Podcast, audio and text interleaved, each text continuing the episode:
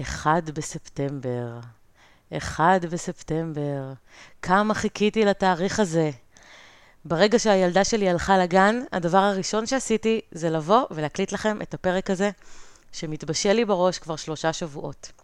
היי לכם, מאזיני הפודקאסט לצאת מהמקרר. אני מקווה ששלומכם טוב. כרגע אתם נמצאים בדיוק במקום הנכון.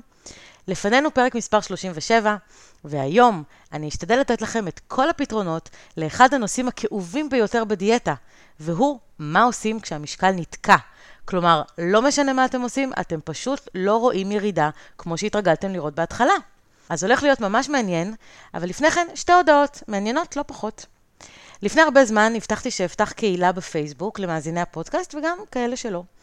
ועכשיו סוף סוף אני שמחה להודיע שזה קרה, ולא קהילה אחת, אלא שתיים. כן, כשאני כבר הולכת על זה, אני הולכת בגדול. קהילה אחת מיועדת לכל מי שמתעניין בנושא הירידה במשקל, מדיאטות ועד אורח חיים בריא. כל הנושאים שאנחנו מדברים עליהם בפודקאסט יהיו בקהילה, בדגש על ירידה במשקל או שמירה על משקל תקין. אז מי שמרגיש שהנושאים האלה רלוונטיים לו, כלומר, כולכם מאזינים יקרים, מוזמנים להצטרף לקהילה. היא נקראת לצאת מהמקרר, מקף, יורדים במשקל ביחד. הקהילה השנייה, גם היא בנושא ירידה במשקל, אבל היא מיועדת ספציפית לנשים שנמצאות בטיפולי פוריות. מחקרים הוכיחו שיש קשר חזק בין עודף משקל לחוסר הצלחה להיכנס להיריון, גם טבעי וגם בטיפולי פוריות, ואני שמתי לי למטרה לעזור כמה שאני יכולה לנשים בעלות עודף משקל לרדת בצורה בריאה ומותאמת לתהליך כדי להגדיל את סיכויי ההצלחה. הקהילה הזאת היא מרחב בטוח לנשים בלבד, אז מי שמרגישה שזה רלוונטי לה, מוזמנת להצטרף. הקהילה נקראת טיפולי פוריות, מקף, לרדת במשקל, להיכנס להיריון. שוב, לנשים בלבד, ורק כאלה שנמצאות בטיפולי פוריות או מתכננות להיכנס להיריון טבעי. כל האחרים, גברים ונשים שרוצים לרדת במשקל בלי קשר להיריון, מוזמנים לקבוצה הראשונה. בתיאור של הפרק אני אשים לכם את שני הלינקים לשתי הקבוצות, ואני אשמח מאוד לראות אתכם שם. וההודעה השנייה היא שב-11 לאוקטובר 2020, ממש ממש אחרי החגים, אני פותחת את המחזור הראשון של תוכנית לצאת מהמקרר, להיכנס לג'ינס. מדובר על תוכנית ירידה במשקל, שתורכב ממפגשים פרונטליים ומפגשים בזום. תוכנית מאוד ייחודית, שבה הדגש הוא על ירידה במשקל באמצעות שינוי מנטלי במקביל לשינוי תזונתי. לא רק תפריטים וחישובי קלוריות, אלא ארגז כלים אמיתי שיעזור לכם לעשות שינוי בראש, בחשיבה, באיך שאתם מסתכלים על אוכל, באיך שאתם מגיבים לאוכל, באיך שאתם מרגישים כלפי אוכל. תלמדו לבנות לעצמכם תפריט נכון, בריא, שכולל את כל מה שאתם צריכים לאכול וגם אוהבים לאכול, אבל בצורה שתקדם את הירידה במשקל.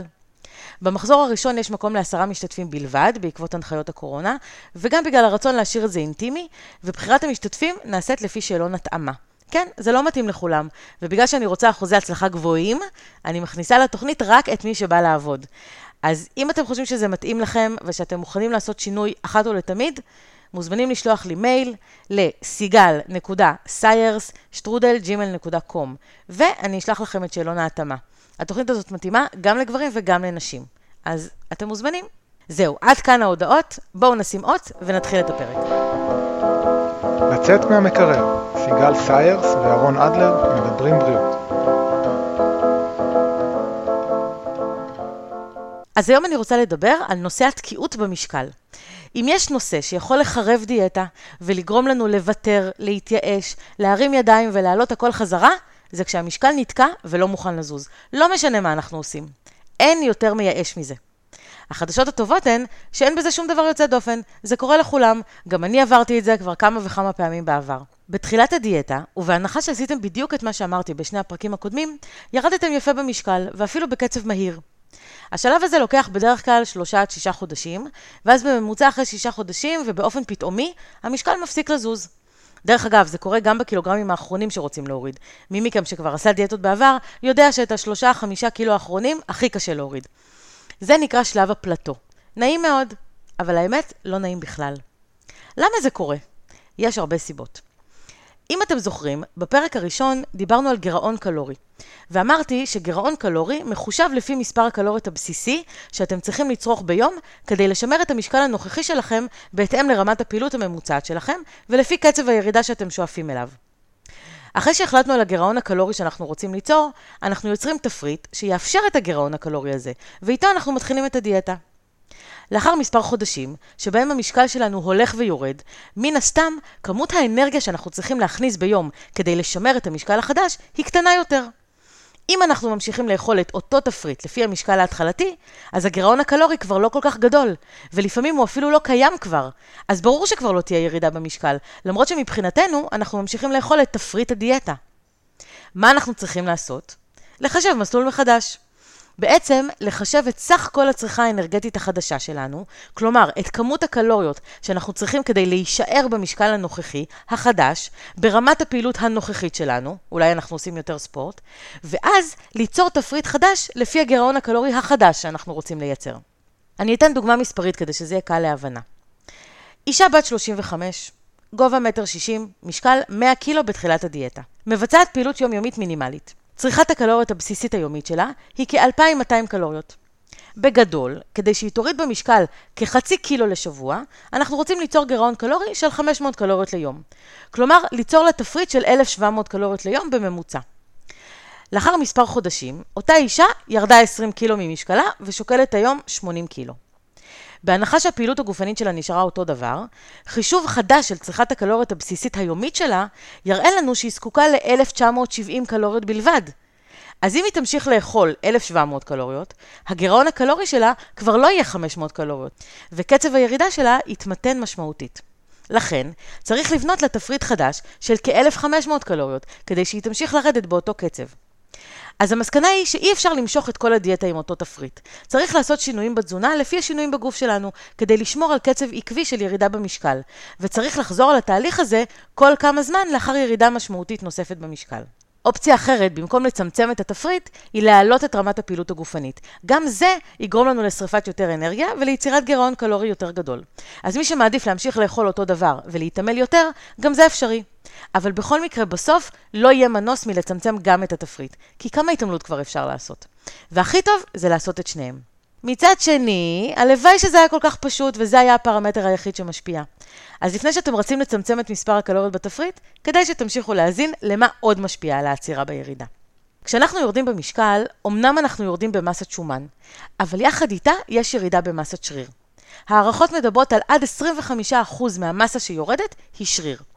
מאחר ומסת שריר היא קריטית כדי לשמור על קצב חילוף חומרים תקין, ושריר שורף הרבה יותר קלוריות במנוחה מאשר שומן, העובדה שמסת השריר יורדת גורמת לחילוף החומרים להאט, ולגוף לשרוף פחות אנרגיה בכל רגע נתון. לכן מאוד חשוב לשלב בדיאטה אימוני כוח כדי לבנות מסת שריר חדשה במקום זו שמתפרקת. וזה מה שיבטיח לנו להמשיך לרדת במשקל לאורך זמן. הרבה מטופלים אומרים לי כשהם באים אליי כדי לרדת במשקל, שהם פוחדים לעשות אימוני כוח, כי זה יגרום להם לעלייה במשקל. ואני אומרת שזו טעות חמורה. גם אם אנחנו רואים עלייה במשקל כתוצאה מהאימונים, ובהנחה שמבחינה תזונתית אנחנו מקפידים על התפריט, זאת עלייה זמנית בלבד. עלייה לצורך ירידה. כי אמנם המספר עולה, אבל ההיקפים יורדים. לכן חשוב לא רק לעקוב אחרי המשקל, אלא גם אחרי ההיקפים. תמדדו לעצמכם את הזרועות, את החזה, את הבטן, את הירכיים, ותראו שהכל מתהדק.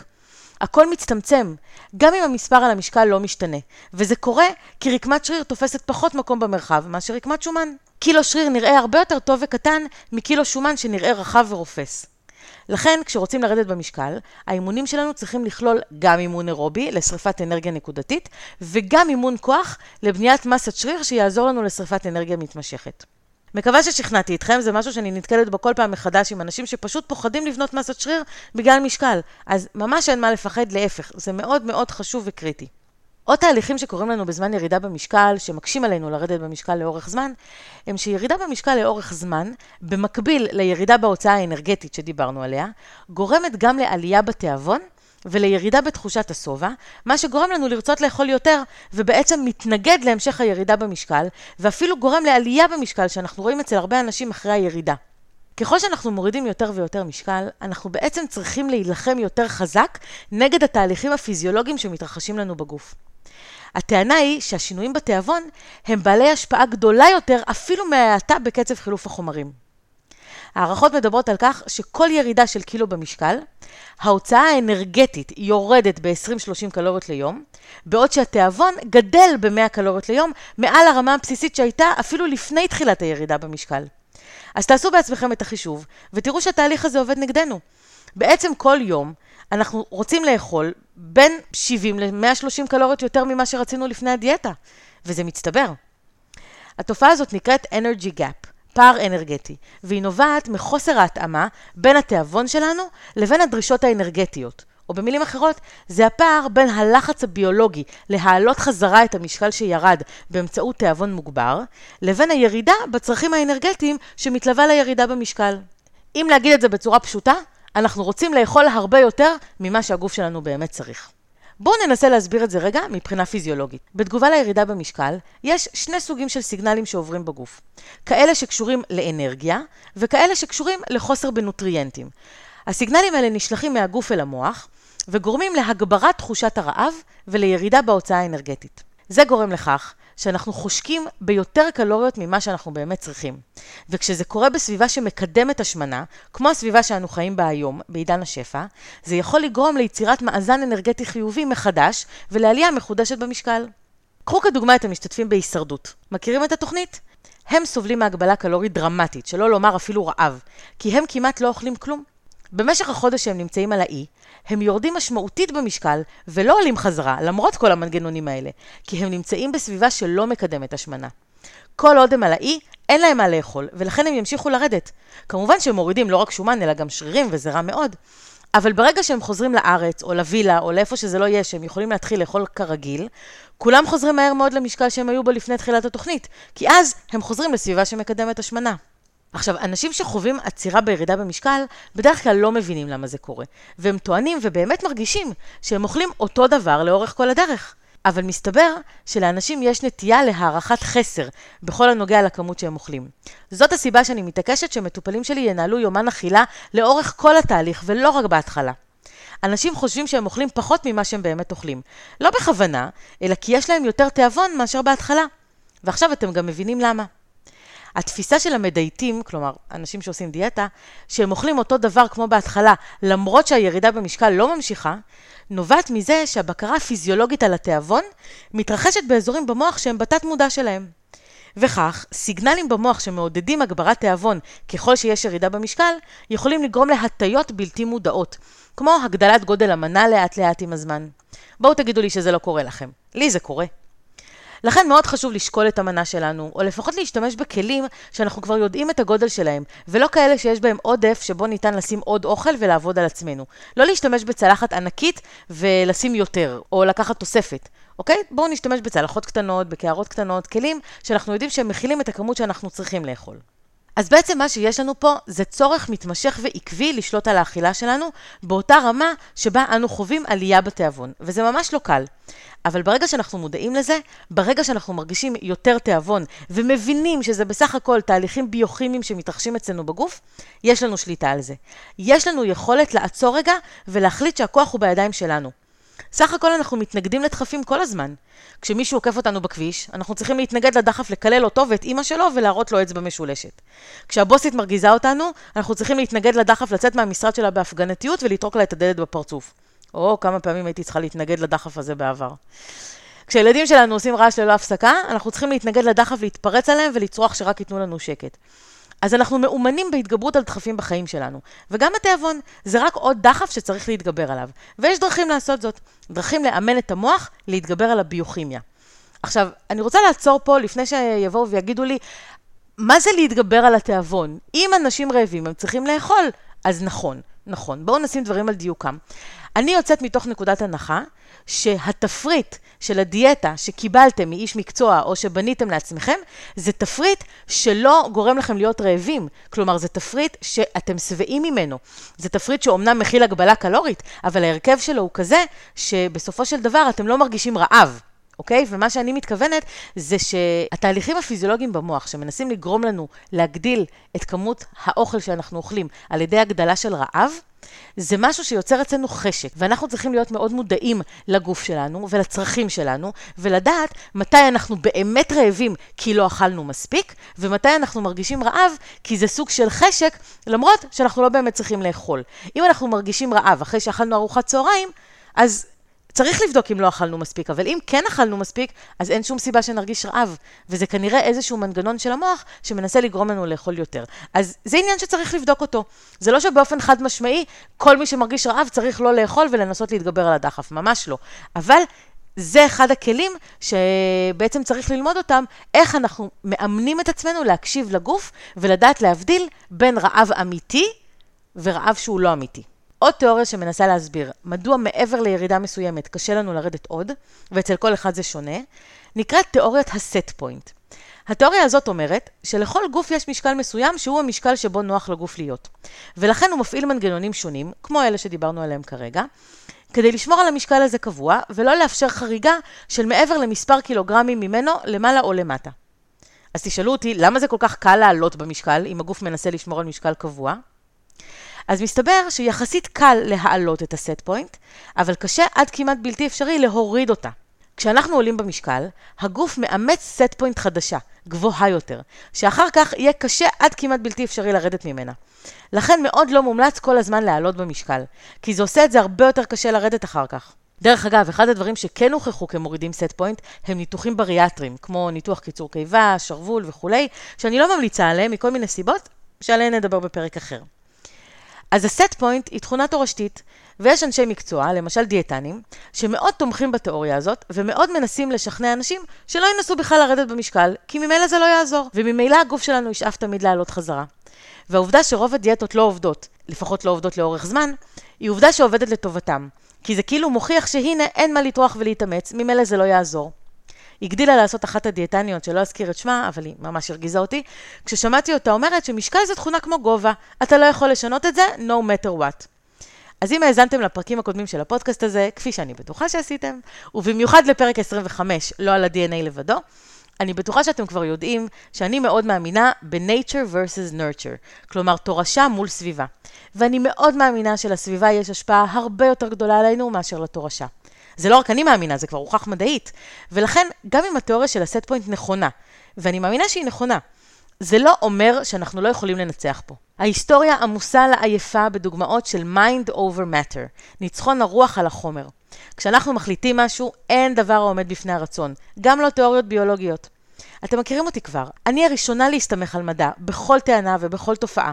ואני בהחלט חושבת שהגיוני שיש דבר כזה set point, שאכן מקשה עלינו לרדת במשקל ולשמור עליו לאורך זמן. אבל אז מה? הכל קל בחיים? יש דברים בחיים שאנחנו עובדים קשה כדי להשיג אותם, וברור לנו שצריך לעבוד קשה בשביל להשיג אותם. אז למה כשזה המשקל שלנו אנחנו פשוט מוותרים?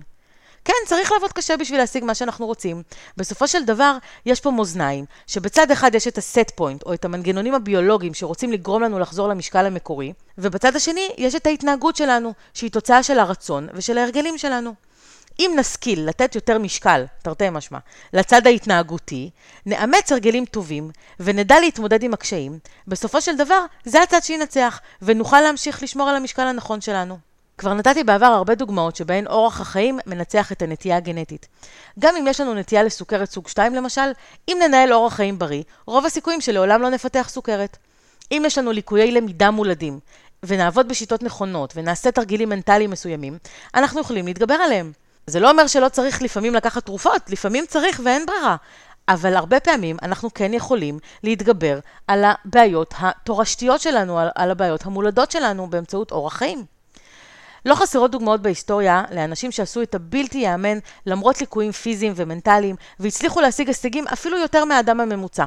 מספיק רק להזכיר את סטיבן הוקינג, שהיה חולה ב-ALS, מחלת ניוון שרירים, והגיע להישגים מנטליים מקצועיים נדירים. או את בטהובן, שיצר יצירות מופת גם אחרי שהוא הפך לחירש. בואו ניקח משלנו את זיו שילון, שאיבד יד ונפגע קשה ביד השנייה במהלך השירות הצבאי, והפך לאתלט מצטיין שסיים מרתון ותחרות איש ברזל. או את נועם גרשוני, אלוף פראלימפי ומדורג שני בעולם בטניס נכים. ויש עוד המון דוגמאות. אז אל תגידו לי שקושי זה דבר שאי אפשר להתגבר עליו. צריך רק לרצות ולעשות הכל כדי שזה יקרה. טוב, אני חייבת עוד דוגמה ממש טריה. לפני כמה ימים שודר פרק של הישרדות, כמו שאתם מבינים, אני אוהבת את התוכנית הזאת, שבו ירדן ג'רבי, מדליסטית אולימפית ועם עוד הרבה תארי אליפות בג'ודו, חיבקה עמוד מסתובב במשך קרוב לשלוש וחצי שעות, רק כדי לנצח ולזכות בשרשרת חסינות מול עידן חביב. דרך אגב, גם הוא עשה את זה, אבל הוא נפל למים שנייה לפניה והשאיר לה את הניצחון. ההישג הזה של שניהם רק מראה שכשרוצים משהו מספיק חזק, אין כוח בעולם שיגרום לנו לוותר. הכל בראש. אנחנו מחליטים מתי לוותר לעצמנו, ואנחנו יכולים להחליט שלא לוותר. אז אתם רוצים להגיד לי שזה שלגוף קשה לרדת במשקל או לשמור על המשקל, זה מה שיגרום לכם לא להצליח? לא סתם אומרים הכל בראש, לא בגוף, בראש. גם אם לגוף קשה, צריך לאמן את הראש להתגבר על הקושי. אחרי אותה משימה, ירדן ג'רבי אמרה שכחלק מהאימונים שלה בג'ודו, היא למדה להתנתק ולהתעלם ממה שקורה לה בגוף. מהכאב, מהקושי. הכל עניין של אימון. וזה מה שאנחנו צריכים לעשות, להתאמן, לשנות את החשיבה. דרך אגב, אני לא אומרת שצריך להתעלם מכאבים או להתעלם מהקושי, אה, אם הוא באמת אמיתי ומשמעותי, כי הכאבים והקושי לפעמים באים להגיד לנו משהו, הגוף מדבר אלינו, אבל צריך, שוב, להבדיל בין קושי מנטלי, או כאב שהוא מנטלי, ואפשר להתגבר עליו, לבין כאב או קושי פיזי, אמיתי, שאולי אומר לנו משהו ואותו צריך לבדוק. אז שוב, צריך להבדיל. אמנם הדברים שאני אומרת פה, אני מדברת לכולם, אבל כל אחד כמובן צריך לעשות התאמות לגוף האישי שלו, ולקחת רק את מה שמתאים לו. אז כמו שאמרתי, אנחנו צריכים להתאמן לשנות את החשיבה. עובדה שיש אנשים שכן מצליחים לרזות ולשמור על המשקל לאורך זמן. תראו את ציפי שביט המופלאה, שירדה במשקל איזה 40 קילו לפני איזה 40 שנה, ושומרת על זה עד היום. בגיל 70 נראית כמו ילדה בת 16, ובלי ניתוח, רק עם תזונה נכונה ופעילות גופנית. אז עכשיו תגידו לי שזה לא אפשרי. אתם זוכרים את הסדרה אבודים? היום אני חזק בקטע של טלוויזיה. הייתה שם דמות שנקראה ג'ון לוק, והיה משפט שהוא היה אומר כל פעם שאמרו לו בחיים שהוא לא יכול לעשות משהו. הוא היה אומר, Don't tell me what I can't do. אל תגידו לי מה אני לא יכול לעשות. וזה רק גרם לו להתאמץ נגד כל הסיכויים ולעשות את זה בכל זאת. אני מאוד התחברתי לזה, אז אל תגידו לעצמכם מה אתם לא יכולים לעשות, ואל תשתמשו בפיזיולוגיה כתירוץ. אתם יכולים לעשות הכל, גם אם זה קשה. השאלה היא כמה אתם רוצים. כמובן שיש מצבים נוספים שיכולים לגרום לירידה במשקל לעצור, כמו בעיות בבלוטת התריס או בבלוטת האדרנל, תרופות מסוימות, הריון, הנקה, גיל המעבר, הפסקת עישון, אבל אני לא נכנסת כרגע למצבים מיוחדים. אם תרצו ומי שזה רלוונטי לו, יוכל לשאול אותי בקבוצת הפייסבוק המתאימה. אבל אחרי כל זה, הסיבה העיקרית שבגללה אנחנו חווים עצירה של הירידה, היא עייפות החומר. אחרי חודשים של ירידה, למרות כל ההתרגשות והמוטיבציה, מגיע הרגע שאנחנו כבר עייפים ושחוקים מהמאמץ המתמשך. אז אנחנו אוכלים קצת יותר, או שאנחנו עושים פחות פעילות גופנית, או אוכלים מזונות בעלי דחיסות קלורית גבוהה יותר מאשר בהתחלה. אנחנו פשוט מפסיקים לעמוד על המשמר. ואז יכול להיות שלא נעלה במשקל עדיין, אבל גם לא נרד, כי כבר אין גירעון קלורי. אז הנה הגענו לשלב המעשי של הפרק. מה אפשר לעשות כדי לנער את עצמנו ואת המשקל ולחזור לירידה? את התשובה לזה גיליתי לכם כבר בפרק הראשון בסדרה. ולא סתם זה היה בפרק הראשון, כי זה הדבר הכי חשוב בדיאטה. הקפדה והתמדה. תמשיכו, תמשיכו, תמשיכו. אל תתייאשו. תתלו לכם בכל מקום בבית פתקים עם המילה הקפדה והתמדה, כדי שתזכרו שזה הדבר היחיד שיעזור לכם להגיע למטרה שלכם. הקפדה והתמדה זה בראש. תאמנו את המוח שלכם לחשוב הקפדה והתמדה, הקפדה והתמדה. תאמינו לי שזה עובד. כל פעם שאתם זזים מהמסלול, תחזרו לתפריט המקורי. זה העוגן שלכם, ומשם תמשיכו הלאה. תזכרו שזה עובר וכולם עוברים את זה. פעילות גופנית. פעילות בונת שריר שתזרז את חילוף החומרים, זה אחד הדברים בעלי ההשפעה הכי גדולה שיכולים לעזור לנו לצאת מהפלטו. בנוסף, חפשו דרכים להיות יותר פעילים בשגרת היומיום. לא רק איך למצוא זמן לפעילות גופנית יזומה, שלפעמים קשה לנו למצוא את הזמן הזה, אלא בשגרה, מדרגות במקום מעלית, לחנות רחוק, אופניים במקום רכב, וכולי. עוד בונוס הוא שמחקרים מראים שמי שמשלב פעילות גופנית קבועה בדיאטה, מצליח לשמור על ההישגים לאורך זמן מבלי לעלות חזרה. אז שווה, לא? לחזור, לשקול ולמדוד את המנות. אצל רובנו העין מתרגלת, ואנחנו מתחילים להעריך את כמות האוכל. וכמו שאמרנו, יש לנו נטייה להערכת חסר. אז להתחיל שוב למדוד מדויק. אל תדאגו, זה רק לתקופת הירידה, לא תצטרכו למדוד אוכל כל החיים, אז שלא יפחידו אתכם. להתחיל לרשום יומן אכילה. או לחזור לזה, אם הפסקתם. רק ככה תהיו במודעות לכמה אתם אוכלים במהלך היום. מי שמנהל יומן אכילה, מצליח יותר בדיאטה, בדוק. להישקל פעם בשבוע בלבד. יותר מזה, יכול לגרום לכם להתבאס סתם, כי יש פלקטואציות חסרות משמעות. עולים, יורדים, יורדים, עולים, חבל להוריד מוטיבציה. פעם בשבוע זה מספיק. וכמובן, אתם צריכים לבדוק אם אתם באמת צריכים לרדת עוד. אולי אתם ממש קרובים למשקל המטרה שלכם, וזה יכול להסביר את העצירה. עוד דבר שאתם יכולים לעשות זה לשנות את התפריט. לפעמים הגוף מתרגל לתפריט מסוים, וגיוון שלו ינער את המערכת. את זה כדאי לעשות עם איש מקצוע, שידע לשמור לכם על גירעון קלורי טוב, ותפריט מספק מבחינה תזונתית. מה הרכב התפריט המומלץ? או. יותר חלבונים. מחקרים מצאו שחלבונים הם בעלי אפקט משביע גדול יותר, והם תורמים יותר לצרכים האנרגטיים של הגוף. הם גם גורמים לירידה בהפרשת הורמונים מעודדי רעב כמו גרלין, ולעלייה בהורמונים מדכאי רעב כמו GLP-1 ו-PYY, שנדבר עליהם בהרחבה באחד הפרקים הבאים. ולכן תוסיפו חלבונים על חשבון פחמימות. לא לוותר לחלוטין על פחמימות מורכבות, הן חשובות, אבל הן יכולות להיות חלק קטן יותר מהתפריט, וחלבונים חלק גדול יותר. החלבונים המומלצים יגיעו מביצים, לפחות אחת ליום כדאי, קטניות, אגוזים, קינוע וכולי. זה גם יעזור לכם בבניית שרירים. עוד המלצה, אחרי החלבונים, תשתדלו שיהיו לכם יותר שומנים טובים מאשר פחמימות בתפריט.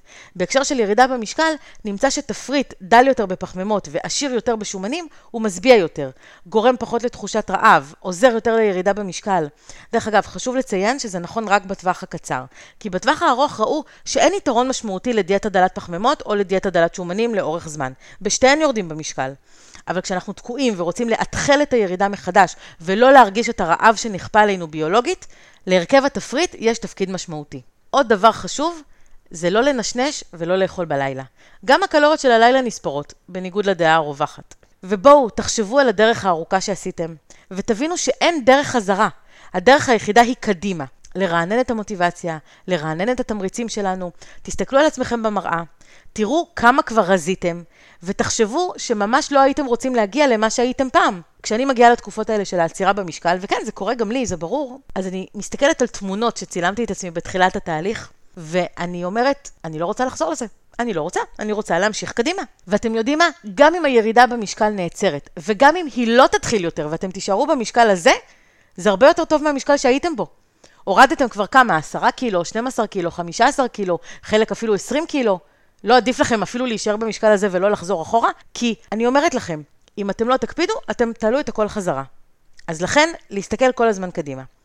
עוד דבר שאני ממליצה לכם, זה לקחת קורס בישול או לנסות מאכלים חדשים במסגרת התפריט. לנצח את השעמום, שהוא אחד האויבים הגדולים של הדיאטה בשלבים המתקדמים.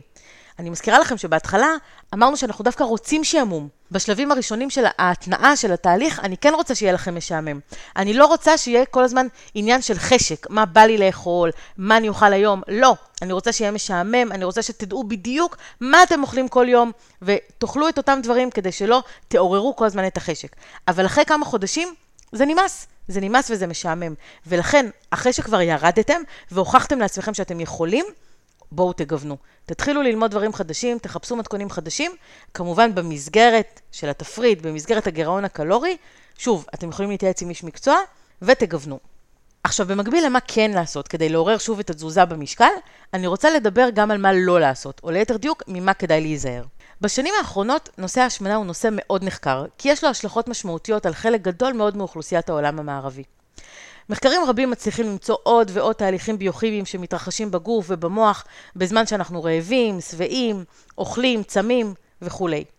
כל פעם שמתפרסם מחקר חדש, שמגלה עוד איזשהו שלב בתהליך, מישהו ממציא איזו דיאטה שמסתמכת על התהליך הזה, ומציג אותה כאילו זה הדבר הבא, וזה פתרון הקסם שחיכינו לו. הרבה פעמים אנשים גם השתמשו באצטלה המדעית כדי לתת תוקף לשיטה שהם לכאורה פיתחו. אז נכון שאנחנו יודעים הרבה יותר היום על מה שקורה לנו בגוף בזמן רעב, שובע, השמנה והרזייה, אבל עדיין רב הנסתר על הגלוי. ואפילו שבאופן תיאורטי יש אפשרות להשפיע על ירידה במשקל ועל יציאה מפלטו בעזרת מזונות מסוימים לפי התהליכים שהם מעוררים או לא מעוררים בגוף, בעיקר תהליכים שקשורים במערכת האנדוקרינית, כלומר תהליכים שבהם מעורבים הורמונים, עדיין, לבוא ולומר שבעזרת דיאטה מסוימת ניתן לרדת בקלות במשקל ללא התייחסות לצורך בגירעון קלורי, זה פשוט לתת הבטחות שווא. אני נתקלת בפרסומים שבהם מבטיחים שיטות חדשניות לנצח את התקיעות במשקל, שיטות שמתבססות על מחקרים ועל עובדות מדעיות לכאורה, ואז בפסקה קטנה ולא בולטת כתוב, כמובן שחייב להיות גם גירעון קלורי. אבל עדיין מבטיחים ערים וגבעות. זה כמו שבכל אבקות השייקים המיוחדות, הכדורים ושאר שיטות הקסם, ואפילו בתרופות, כתוב בעלון לצרכן שהשימוש צריך להיות מלווה בשמירה על תפריט מתאים ובפעילות גופנית. אז מה הקטע? אם צריך לשמור על תפריט מתאים וצריך לבצע פעילות גופנית, בשביל מה צריך את כל השאר? זה עובד מצוין לבד וגם הרבה יותר בריא וזול. תקשיבו לי, אתם כבר יודעים שאני אומרת לכם רק את האמת. אתם לא צריכים כלום מלבד תפריט שמכין מזון בריא, תפריט שיוצר גירעון קלורי, פעילות גופנית ו mindset. זה מה שצריך כדי לרדת במשקל. אל תחפשו פתרונות קלים, אל תחפשו שיטות קסם. איפה אני כן מעודדת אתכם לקחת עזרה מקצועית? כדי לבנות תפריט שנכון ובריא לכם, ושלוקח בחשבון את כל הצרכים הספציפיים שלכם, וכדי לעשות פעילות גופנית שמתאימה לכם מבלי שתיפגעו. והכי חשוב, בהכוונה לשינוי מנטלי. פה באמת אפשר להשתמש בכלים מקצועיים שיעזרו לעשות עבודה עמוקה ברמת המודעות. עבודה שתשנה את התשתית המחשבתית שלכם ותגרום לשינוי תפיסות לגבי אכילה ואוכל. זה כן. דרך אגב, גם את כל הדברים האלה אתם בהחלט יכולים לעשות לבד, אבל אם אתם מרגישים שאתם כן צריכים איזשהו ליווי, איזושהי מסגרת, אלה הדברים שבהם שווה לכם להשקיע. לפני כמה ימים ראיתי שמישהי חיפשה המלצה בפייסבוק על אשת מקצוע בתחום הדיאטות. ומישהי המליצה לה על בחורה שהיא מכירה וכתבה שהיא מאמינה בשינוי מהראש ולא בתפריטים. ואני ישבתי והסתכלתי על התגובה הזאת וחשבתי לעצמי כמה היא מטופשת, תסלחו לי על הצרפתית. מה זה לא מאמינה בתפריטים? נראה לי שאנשים פיתחו אלרגיה למילה תפריט, כאילו זה שייך לדיאטות מהדור הישן. אבל צריך להבין שאדם שמתחיל תהליך של ירידה במשקל לא עובר כבר מההתחלה שינוי בראש. שינוי מנטלי זה תהליך שלוקח זמן, ואנשים רוצים להתחיל לראות תוצאות, ולפעמים בריאותית צריכים להגיע לתוצאות כמה שיותר מהר. אז שינוי מהראש הוא חובה, אבל הוא לוקח זמן, זה תהליך, ובינתיים אותו בן אדם שכל החיים אכל לא טוב, הוא לא יודע מה לאכול כדי להתחיל לרדת במשקל, הוא צריך הכוונה, הוא צריך אופציות, תחליפים, שהוא ירגיש ביטחון שיש גבולות, וידע מה מותר בתוכם ומה אסור. תפסיקו להסתכל על תפריט בתור משהו מיושן ומרובע. תפריט זה מדריך, מדריך שנותן כיוון, המלצות, הנחיות, אפשרויות. דרך אגב, כשאני נותנת תפריט למטופלים שלי, זה לא תפריט שאומר, תאכלו לארוחת בוקר X, תאכלו לארוחת צהריים Y, תאכלו לארוחת ערב Z. ממש לא. זה תפריט שאומר שלארוחת בוקר, אלה כל מגוון האופציות שאתם יכולים לבחור מתוכם. ולארוחת צהריים, אלה כל מגוון האופציות שאתם יכולים לבחור מתוכם. ולארוחת הערב אותו דבר, וארוחות ביניים מי שצריך. אני נותנת המון המון אופציות שבן אדם יכול לבחור בקלות ולדעת שכל מה שהוא בוחר זה יהיה בסדר. אז כן, תפריט זה דבר שהוא חיובי. האם הייתם מרגישים בטוחים ללכת למסעדה שאין בה תפריטים, והטבחים מאלתרים לפי מה שאתם מבקשים מהמלצר?